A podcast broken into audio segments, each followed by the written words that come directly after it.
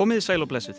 Þessa vikuna höfum við spáð í fortíðina, atbörði sögunar sem hefðu geta orðið. Bókvikunar að þessu sinni er Splungun í skáldsaga úr smiðju Vals Gunnarssonar og hún glýmir einmitt við þessa spurningu, hvað ef? Hvað ef þjóðverjar hefðu numið hér land í mæmánuði árið 1940 en ekki breytar eins og raunin var? Þótt að sé bara ein söguleg breyta Einu hervaldi er skipt út fyrir annað og hakakross í stað vaffmerki Churchills opnar það upp á glænýtt og ókannað sögusvið. Þótt frásögnin sé í grunninn svo sama þegar að lítil fátæk þjóð beigð óttaslegin eftir því að fá heimstyröldina í fangið. Í bókinni skiknist valurinn í þjóðfélagið hér á landi fyrir um 80 árum og stillir Íslendingum upp við þennan óþægilega vegg Hvernig hefði þú brúðist við hernámi nazista? Hefði þú hrokkið eða stokkið? Hér er sögulegum personum blandað við skaldadar og við fáum að kynnast hinnum ímsu við bröðum. Úr verður eins konar bræðingur, þjóðfélagsrýni og spennusögu. Sagan segir frá Sigurði Emil, sveimhuga sem vinnur í landsímahúsinu. Hann svara símanum sem þykir kvennmannstarf og í ofanlag býr hann heima hjá móður sinni við Grettiskötuna. Hann kynist ungri konu sem fær vinnu hjá símanum og fljótlega eftir hernámið fer íslensk ansbyrna að skjóta rótum og leiðin leggur upp á hrjóstrugt hálendi Íslands. Við skulum byrja á að heyra frá þessum örlagaríka mórni sem hefði geta orðið. Við erum stödd á Reykjavíkurhöfn. Fyrsti kapli. Reykjavík, mæ 1940. Það var tilviljun að ég var stattur við höfnina þegar þeir komu. Síðasta heimstyrjöld hafði stitt opnunartíma vínveitingastaða um alla álfuna til að koma í vekk fyrir að menni í vopnaframleðslustörfum mættu þunnir í vinnuna og enginn hafi haft fyrir því að lengja hann aftur. Og nú var annað stríð hafið og barirnir í hafnastræti voru lokaðir og villi skáld, sem oftast vissi hver mætti komast í sjús, var uppiskrópa með hugmyndur um hvað gera skildi næst. Kvöldið hafi verið við það að leysast upp þegar einhver tóka kvarta yfir því að sargið úr hampiðjunni sem hann hlustaði á allan daginn væri nú farið að ofsækjan á fyllir í um líka. Einhver annar sagði hann um að hætta þessu væli en villi sem ávalt var manna reyðubúnastur að mæta hinnu óvænta hófað mæna í áttað mána. Ég gerði slíktið sama eins og yðurlega þegar Viljólmur frá skáholti átt í hlutt. Fyrir en varði voru allir farnir að stara upp í loftið. Líkt og flestar hamfarir hófust þessar með tákni á himnum. Eins og íbúar Moskvu sáu halastjörnu og himnum rétt fyrir innrás Napoleons árið 1812 eða íbúar Woking sáu geimskip lenda við upphaf innrásarinnar frá Mars í sögu Háki Wells, þá urðu íbúar Reykjavíkur varir við álíka sjálfgjafan viðburðað morgunni 10. mæ árið 1940 flugvél sem flög yfir bæin. En svo lítið vissum við um það sem komaskildi að hún gatt allt eins verið betlehemstjarnar að bóða komu nýs frelsara. Villi taldi sig greina glampa á himnum og varðla varða helber ímyndun því við vorum allir farnir að heyra sarkið. Flugvélar voru sjálfséðar yfir Reykjavík utan póstvélarinnar frá Akureyri og heimsóknar ítölsku flugkappana um árið. En svo tegnir gestir lendu um miðjan dag á meðan þessi laumaðist um heiminin eins og þjófur að nóttu. Staða Villa innan hópsins hafi tímabundið virst verið hættu þegar honum hafi mistekist að þefa upp í eftirparti en nú var það annað sem hafi fangað aðtikli fórustu söðsins og brást hann rösklega við. Við heldum í áttina þessum skrikkjóta flugvélartin eins og hálf þunnir vitringar í leitað jólastjörnu eða kannski öllu heldur eins og langt leitir drikkjumenn í leita næstu flösku. Eftirförinni lauk við höfnina en það er beigð okkar korki Jésu barni í opin bar. Skuggamind skips með fallbissu kjáftana gínandi nálgæðist óðfluga. Við höfðum allir heyrt um það sem hafi gerst í Danmörku og Noregi en engin bjóst við að það sama geti hend hér. Tíundi kabli. Hálendið, november 1941. Hofsjökull lág ofan á sandinum eins og strandað geimskip úr marsbúasögu Háki Wells. Skíin og himnu mynd ekki síður á farkosti frá öðrum nöttum þar sem þau skenu kvít í haustsólinni. En brátt tóku þau á sig annan lit og óheitlavænlegri. Hótunin reyndist ekki vera innantóm Regnið stakki í kinnarnar eins og ísnálar en þetta voru aðeins framvarðarsveitir megin árásarinnar. Rókið fyldi á eftir. Ég held að hefði stundum verið vindasamt í henni Reykjavík en fljótlega var ljóst að ég hafði aldrei kynst raunverulegur róki fyrir nú. Veðrið réðist á okkur úr öllum áttum samtímins eins og leifturstrið þjóðverja gegn frökkum, barð okkar að ofan og frá öllum hliðum og virtist jafnvel stundum koma neðan frá líka. Regndrópanir hörnuðu og urða hagli svo myndi á bissukúlur, það sem verra var byrðu okkur sín. Vörðurnar voru hortnar og næsti maður og undanörðin óljó skuggi. Það var sem landið sjálft hefði gengið í lið með nazistum til að reyna að gera úta við okkur. Stenko kunni besti þá óvinni sem hægt var að skjóta en hér stóð hann ráðalös. Það var norrlendingurinn auðun sem tók stjórnina. Hann skreið af baki og við hinn gerðum sliktið sama. Með því að standa við hlið hestana í stað þess að sitja ofan á þeim fengum við örlítið skjól en það var skamgóður vermir þar sem vindurinn breytti stöðugt um átt. Það var til lítils að halda áfram. Auðun dró samanbrotna skóplu upp úr bakpoka sínum, opnaðan og hófa grafa. Snjórin var ekki nógu djúpur til að hægt vera að grafa sér í fönn, svo við reyndum að vinna okkur niður í grjótið. Skóplunar voru harðar, en undirlægið harðara. Árangurinn var lítill og veðrið hjælt áfram að versna. Bleitan og kuldin smegði sér inn undir búningana. Við réttnáðum að útbúa hólur til að leggjast í, en þær voru varla nógu djúpar til að duga sem skjól. Aftur tók auðun af skarið en í þetta sinn hikuðu menn sem ekki höfðu alist upp í sveit við að gera það sem lagt var til. Fellið hrossin, saði auðun og hófst þegar handa. Hann tók í beislið á hesti sínum sem spyrndi við fótum og fjall síðan yfir hóluna þegar skotið reið af. Síðan tróð auðun sér á milli hræs og hólu. Sigurgiður Hagalín Björnstóttir las hérna upphafið af Erdninum og Fálkanum sem er bók vikunar og þar kom einni við Hálendi Íslands þar sem að íslenska anspennan hefur uh, farið.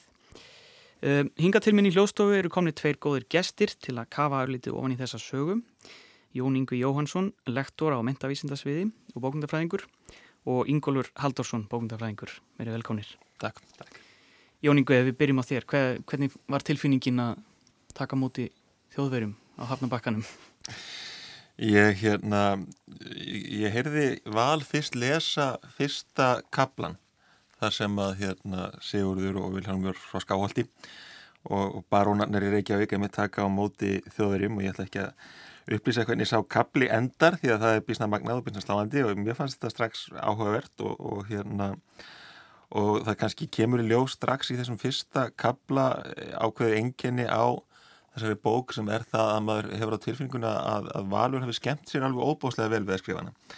Hann mm. neytar sér ekki um neitt í tilvísunum og, og hérna svona alls konar bröndurum og skemmtilegheitum. Það sést að það er sakfræðingur. Já, það er sakfræðingur sem skrifa hann og, og bæði, bæði sakfræðingur og vel heima í bókmyndum. Það eru, mm. það eru alls konar tilvísanir sem að maður bæði þekkir eða, eða grunar í, í, í, í, í hérna, aðskiljanlegustu bókmyndateksta þannig að mér, mér fannst sko hugmyndisast strax spennandi. Svo hef ég nú aðeins hnusað af svona þessari bókmyndagrein og sem að mjög oft snýst náttúrulega í kringum eitthvað sem tengist stríðinu fyrir eða, eða, eða senna um, svona bækur eins og, eins og Making History eftir, eftir Stephen Fry þar sem að einmitt Hitler er í, í frásana miðju sko þar sem eru vísindamenn sem að texta lauma uh, lifi í brunninni í þorpinu þar sem að fórættar Hitlers búa sem að gera alltaf karla ófrúa þannig að Hitler fæðist ekki mm.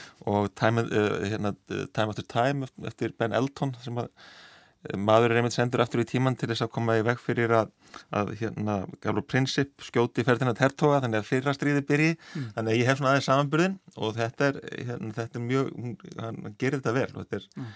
sérstaklega meðan hann er að lýsa sko einmitt eh, samfélaginu sem verður til og þeim breytingum sem verða á Íslandi og Íslands sögunni það er, það er lang, langt sterkasti þátturinn í bókun. Það er það sem vekur.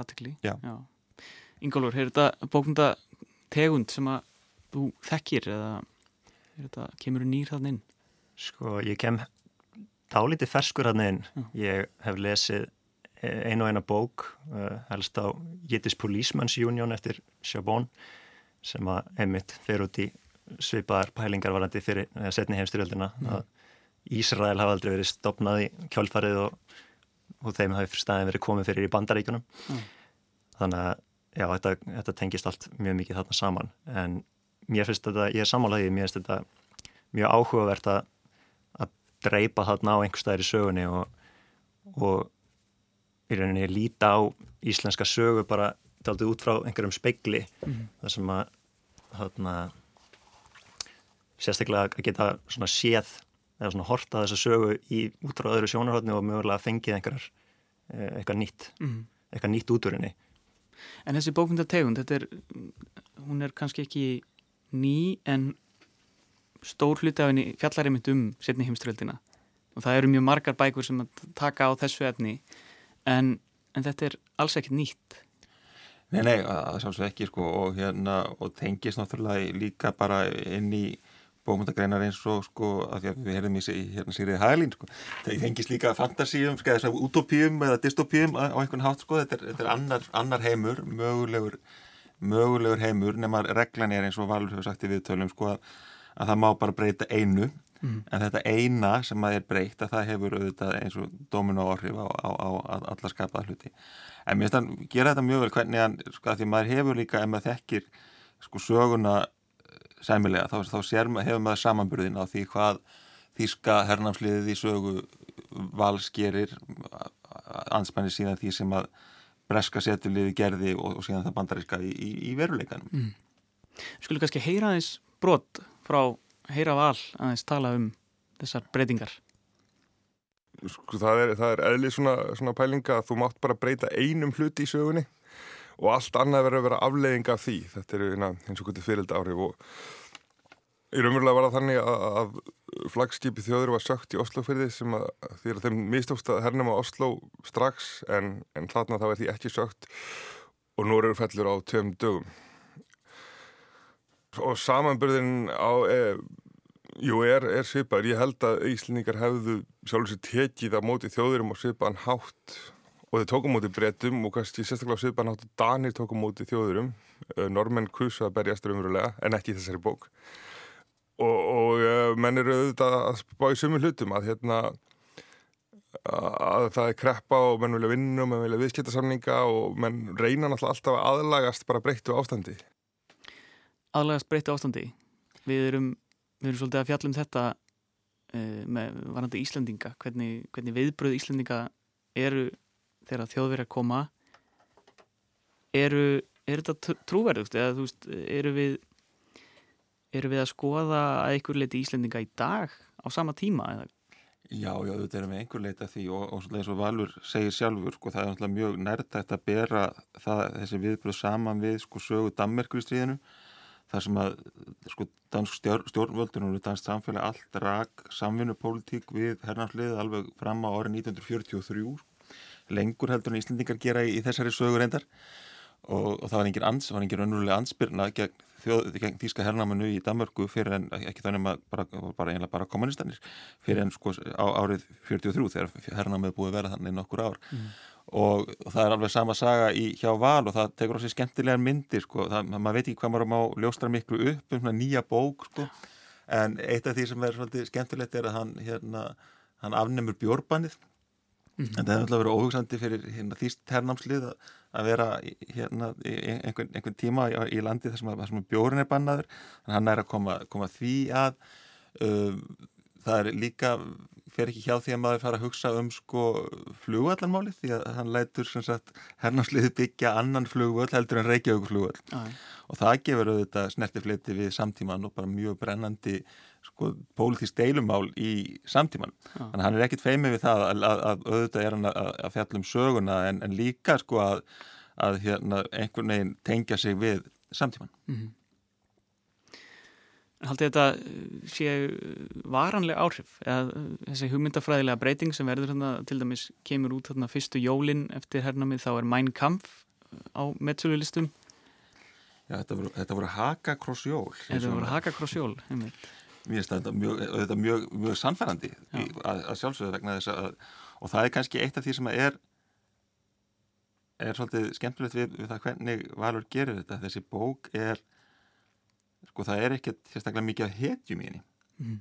og aðalsöguhetjan Sigurður, þessi Siggi Símamær eins og hann er kallaður í, í háðungarskinni að því hann vinnur við að sværi síma hann er alveg skemmtilega sko gerð aðalpersona vegna þess að hann er allavega köplum óttalegur heigull uh, hann er sko við, og hann, hann maður hlýtur að bera hann saman við hina aðalsöguhetjuna sem er áslög, stelpann sem hann er, er skotin í og er nær, nær í um tíma að hún er hinn raunverulegi sko nagli í, í sögunni menn mm. hann er, hann er ótrúlega vinguð sko. ja. En þetta er náttúrulega vegna svo komst inn á hátna uh, hvort þetta segja okkur eitthvað um Íslandinga sem slíka. Ég held að í rauninni þá farið þetta líka bara inn á hvernig fólk almennt bregst við svona aðstæðum mm. og uh, allavega eins og kemur fram í, svona, í þessari sög og eins og daldið gerist í Danmörku í sögulegu samingi er að þegar fólk hefur það ákveðið gott, þegar hlutinir er ekki ennþá orðnir svona skjálfilegir að þá getur fólk látið ímislegt yfir sig ganga og, og aðlægast breyttum aðstæðum en síðan þegar að, að því kemur að svona fer að þrengjast aðeins ólinnum þjóðina þá, þá verður til þessi ansbyrnirheng mm. og, og þannig finnst mér þetta einmitt, þótt að sé kannski farið út í uh, svona pínu spesifík í, í flugvelli og, og virkjunum og einhverjum svona svoleiðslutum mm. og þá er einmitt bara svona almennt séð held ég að Íslendingar séu ekkit öðruvís heldur en aðra þjóður í því hvernig þeir kom, tekist á við þetta. 2050 kapli Reykjavík, mæ 1941 Og skindilega voru allir ornir nazistar Loftvarna virkið í öskulíð var fullbyggt og ekki laustuð að menn varu dálítið stoltir yfir því að hægt var að reysa slikt mannvirki á Íslandi. Vissulega hafði skipulagningin verið í þýskum höndum en vinnuaplið hafða mestu verið innlend. Flagturm Reykjavík hétta en menn kallið það loftkastalan sín á milli svo hátt gnæfði það yfir bænum. Þó að það væri byggt úr járnbendri steinsteipu myndi það helst á miðaldakastala með fjórum turnum sem risu upp af hverju hlið svo vel sást yfir borgina og nákrenni hennar. Í hverjum turni var loftvarnabissa og nóg rými inn í kastalanum fyrir fjöldamanna ef óvinnaflugvilar sæjust yfir bænum.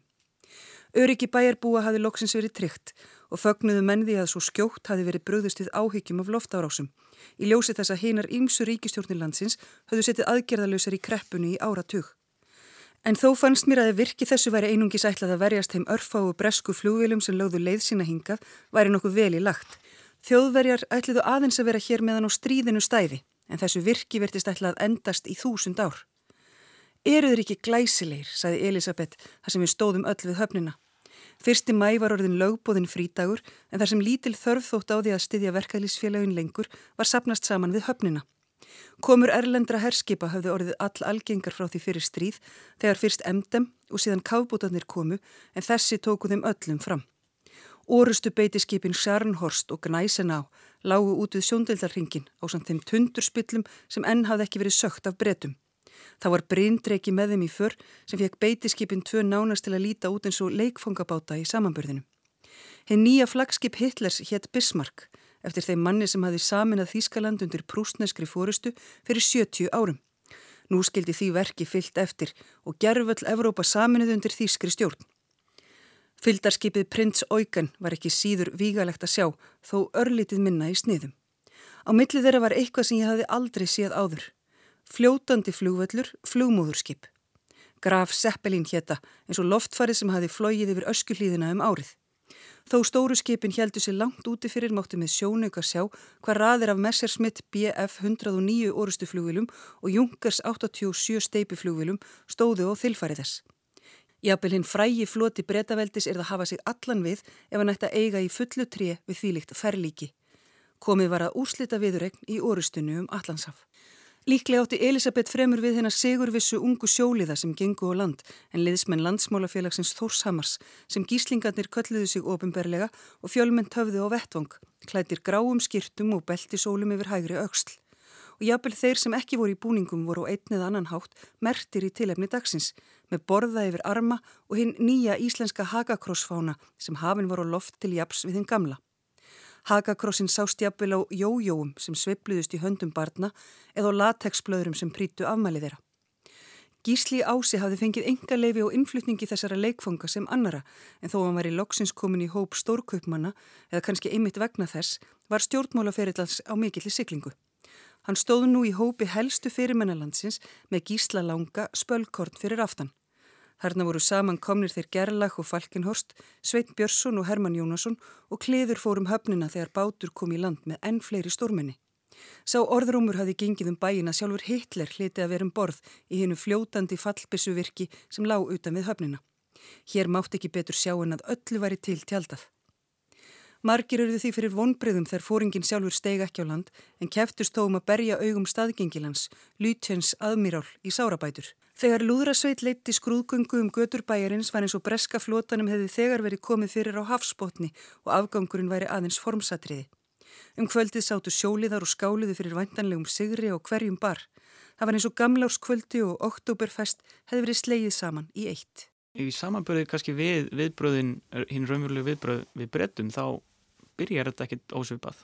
Nei, það byrjar náttúrulega alveg eins og eins og einhverju segir, sko, það er raun og veru þegar að fera harn á dalnum sem að sko óanegan magnast og það er hérna eitt af eitt sem er skemmtilega hvernig, hvernig þetta er sínt í sögunni, sko, við, við fylgjumst eiginlega með sko ástandinu í, á hennu hernumda Íslandi í gegnum bæris bestu þar sem að hérna í upphæðu söguna sko að því að eh, aðalsögu heiti hann Sigurður, hann, hann býr heimi á mömmusinni hann er ekki alltaf að borða heima og, mm -hmm. og í upphæðu söguna hann fer og fæ sér pilsu sem er bara íslensk pilsa eins og hann er vanur og síðan fer hann að fá okkur mjög hérna girnilegar þískar pilsur og en svo þegar að hérna hann kemur í pilsuvagnin og það er bara ersets pilsur úr kartöblum að þá vitum við, þá sjáum við hvernig sko hérna neyðin er farin að sverfa að bæði auðvitað Íslendingum og, og hernámsliðinu sjálfu sko.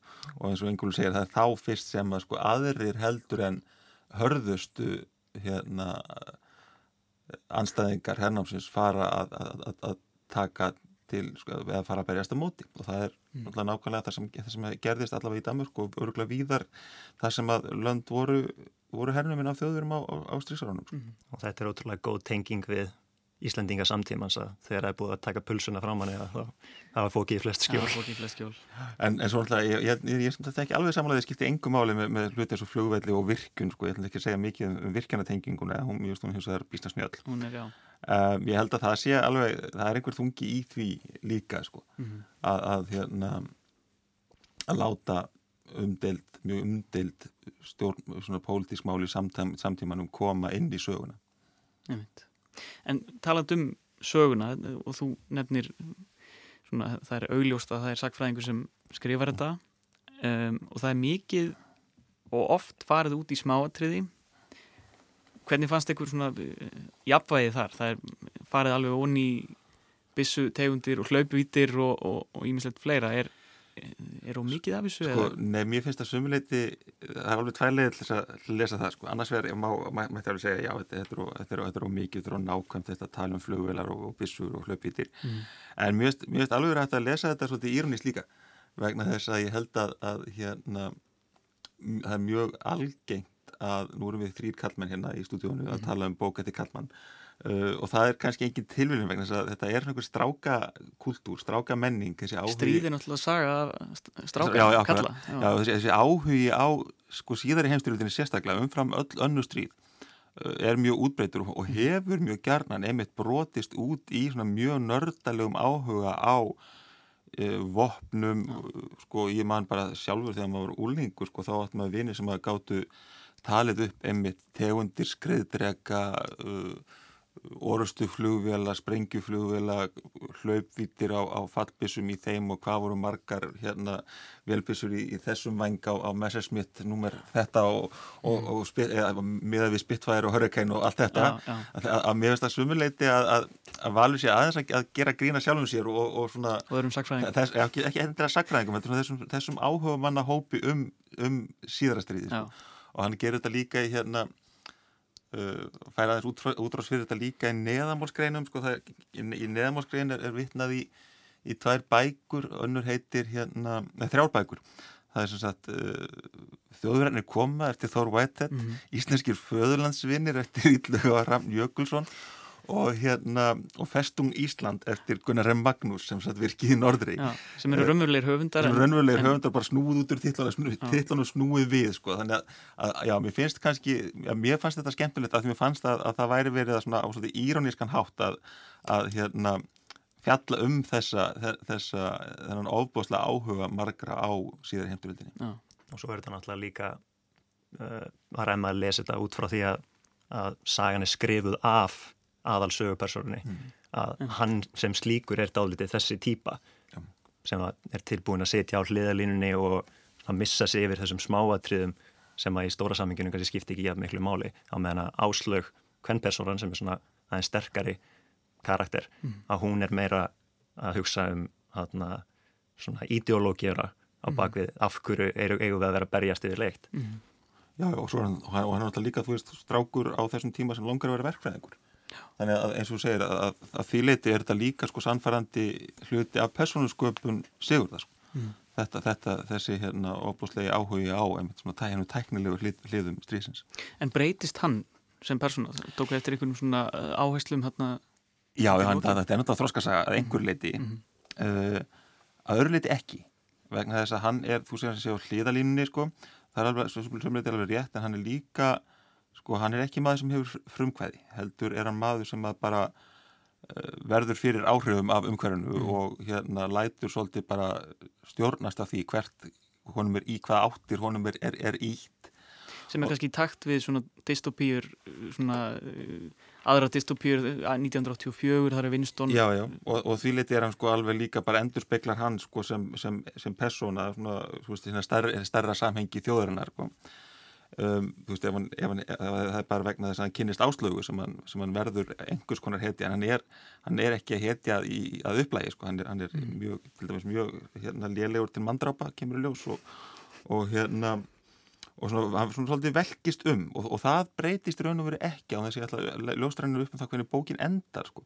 að þá eru örlög sigurðar þannig að hann tekur í raun og veru aldrei ákvörðum sjálfur um nokkur skapaðan hlut um, um hvað, hvað hérna úr honum verður eða hvaða eh, sko stefnu lífans tekur, það er raun og bara einu sinni sem hann, sem hann raunverulega tekur af skarið sjálfur Mhm. og það verður til þess að hann sagt, hann fær hlutverk í þessari baróttu við herraflið og við, við þjóðveri. hann er líka tekin úr þessu hefðbundna svona kallmennsku hlutverki, hann er settur í hvernmann starf, hann býður heima á móður sinni Já, já, er- algjörlega, hann, hann, er, hann, er, hann, er mjög, hann er mjög langt frá því að uppfylla neina svona staðla eða svona hugmyndir sem, við höfum um sko karlmennsku á þessum, þessum tíma enda ég meina þú veist í, í upphafi sögunar áður um þjóðurinni koma eða þegar þeir koma þá er hann svona á, hann, hann gæti alveg á leiðinni í ræsið sko hann er, hann er vandræðilega kunnugur Vilhjálmi og, og barónunum sko. Nefnitt.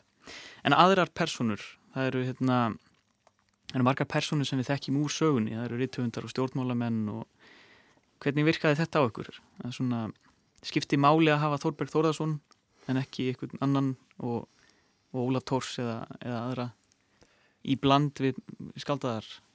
Sko, ég veit ekki hvort það skiptir endilega máli nákvæmlega hverjir það eru, en það gefur náttúrulega bókinni ákveðina, ákveðin trúveruleika að hafa þessar persónu sem maður þekkir úr raunveruleikanum, að geta svona, haft einhver haldreipi fyrir lesandan í, í þessari sögu. Og sérstaklega einmitt þegar það er eh, náttúrulega eins og, eins og vorum að tala um þegar það er farið inn í þessa spesifík í hana, einhverjum ákveðnum málum og alþingi og svoleiðis, að þá náttúrulega hjálpar að hafa að, að geta gripið þetta og og þetta læti manni líða eins og sér raunverulega staði sem við erum að tala um frekar heldur en allt sé uppspunni fyrir rótum mm. og þetta er, það er ekkert hægt að hérna, það hefði ekki verið hægt að skrifa þessu sögu öðruvísi. uh, allavega, ekki, allavega ekki með þessar persónur sko, eins og stjórnmálamennina uh, skáldin uh, og, og svona þessu það, það er persónur sem eru í einhverjum skilningi hluta sviðsmyndinni frekar heldur en séu raunverulega persónur. Þetta er þetta, þetta er þetta líka sko, ákveðið svona skemmtigildi sko, maður þekkir einkenni þessara persóna eins og manni, maður, manni finnst maður þekkja það þá eða það er nú aðalega kallmenn um, en svo er náttúrulega annað eins og veist að, að hann gerir náttúrulega líka raunverulega íslenska nazista af fóringum og hérna það er, það er svona bara sennilega ofreistandi þegar einn þessar manna heitir gísli og það er að tala um gíslinga alveg eins og kvíslingana í Noregi sko, að maður skilur það, það en það, það er kannski helst það sem mann finnst svona já, þar hefði kannski, kannski alveg haft sömu áhrif að, að, nota skaldaða personu sem, sem, sem leiðtoga, sem nazíska leiðtoga Íslands, en, en, en heimbóin þá er, þá er svo sem þá er alveg ljóst hvar, hvar þessi menn stóði pólitík og, og, og, og allavega annar þeirra svo sem afnæti að aldrei sínum, sínum skoðunum sko. Mm. Það er líka hann að uh, að vissu leiti þá, þá sér maður líka hvernig hann valur þarf að glíma eins við þetta því að það er náttúrulega hann gerir þessa eins og þú segir, þessar íslensku personur aðalega svona bakgrunns hlutverkum en leiðir síðan þessum þýsku personum sem eru kannski ekki alveg jafn þekktar okkur uh, leifir þeim að verða aðeins stærri hlutverki í sögunni, mm. gefur þeim fleiri línur í rauninni og hann að, já Já, gerlagt til dæmis sem, sem, sem að þekki bara úr, úr sko, einmitt rítum eftir, já, bókum eftir Þór White til dæmis að, mm.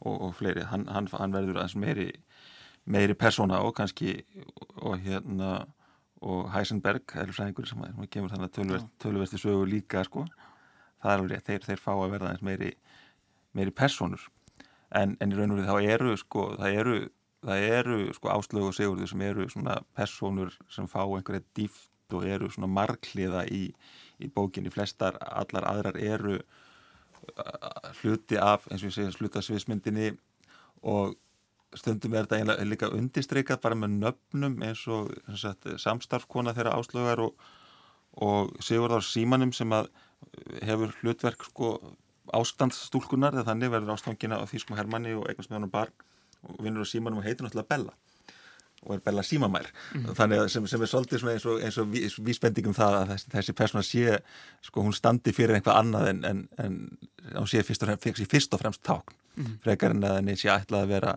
markliða eða, eða, eða djúb persóna á nokkun hátt sko, mm.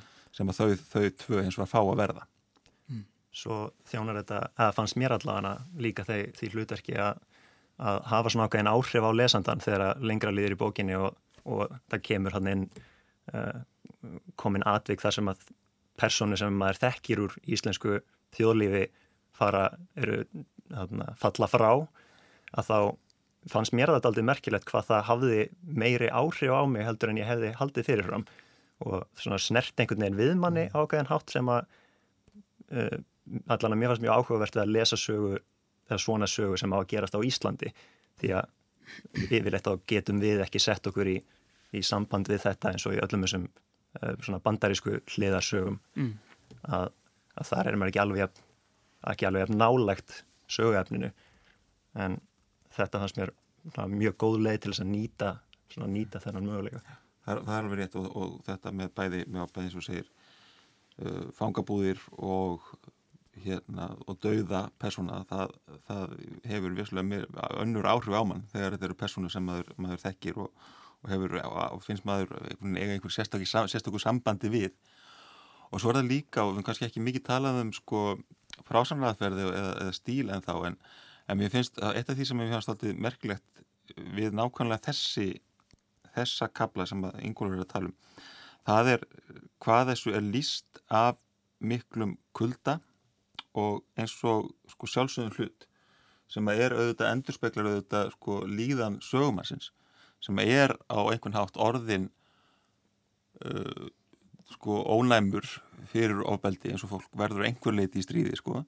En það gerir eiginlega sko upplifun lesandan sterkari. Það er hver, hvernig sko döðafólks er líst algjörlega af, af sjálfsæðan hátt og mjög kallt mm. og það er náttúrulega að því var, var henni upphafi sko tilvísjanir í, í hinnar og þessar bókmentir sko nú er við svo langt sem ég hef lesið svona stríðs hasar, en ég gerði það nú einhvern vann kannu það, það þetta minnir svolítið á, á, á, á slíkar bækur sko, hérna um, þú veist, hluti eins og Sven Hassel eða Alista McLean eða eitthvað slíkt sko.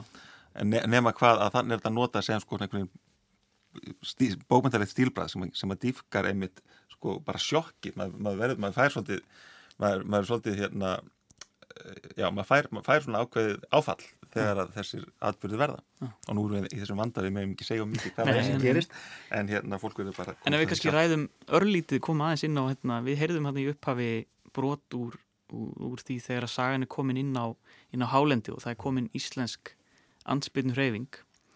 Hvernig fannst ykkur þeir kaplar svona í, í samanbyrði við þessa Reykjavíkur uh, samfélagslýsingar kapla svona frammynda sögunar Sko, eh, nú hérna, eins og ég sagði á þann, þá langt sem ég hef lesið svona, eh, hérna, stríðshasar mm -hmm. hérna, bækur og, og, og það er sennilega vegna þess að ég hef ekki eins gaman af því eins og ég hafði þegar ég var kannski ólínsaldri mm -hmm. og sko það er mest gaman finnst mér að, að, að, og, og það eru áhrifaríkustu kaplanir snúast um það þegar að er verið að lýsa og byggja upp þennan uh, heim sem er annar heimur heldur en okkar en, en samt sá sami og, og einhver leiti þá eru sko, átakakablanir og sagt, uh, bardagar og annað eru ekki eins sko, spennandi vegna þess að, að bardagar í þessum heimi eru að einhver leiti eins og bardagar í, í öllum, sko, öllum öðrum í, í, í veruleikan mm.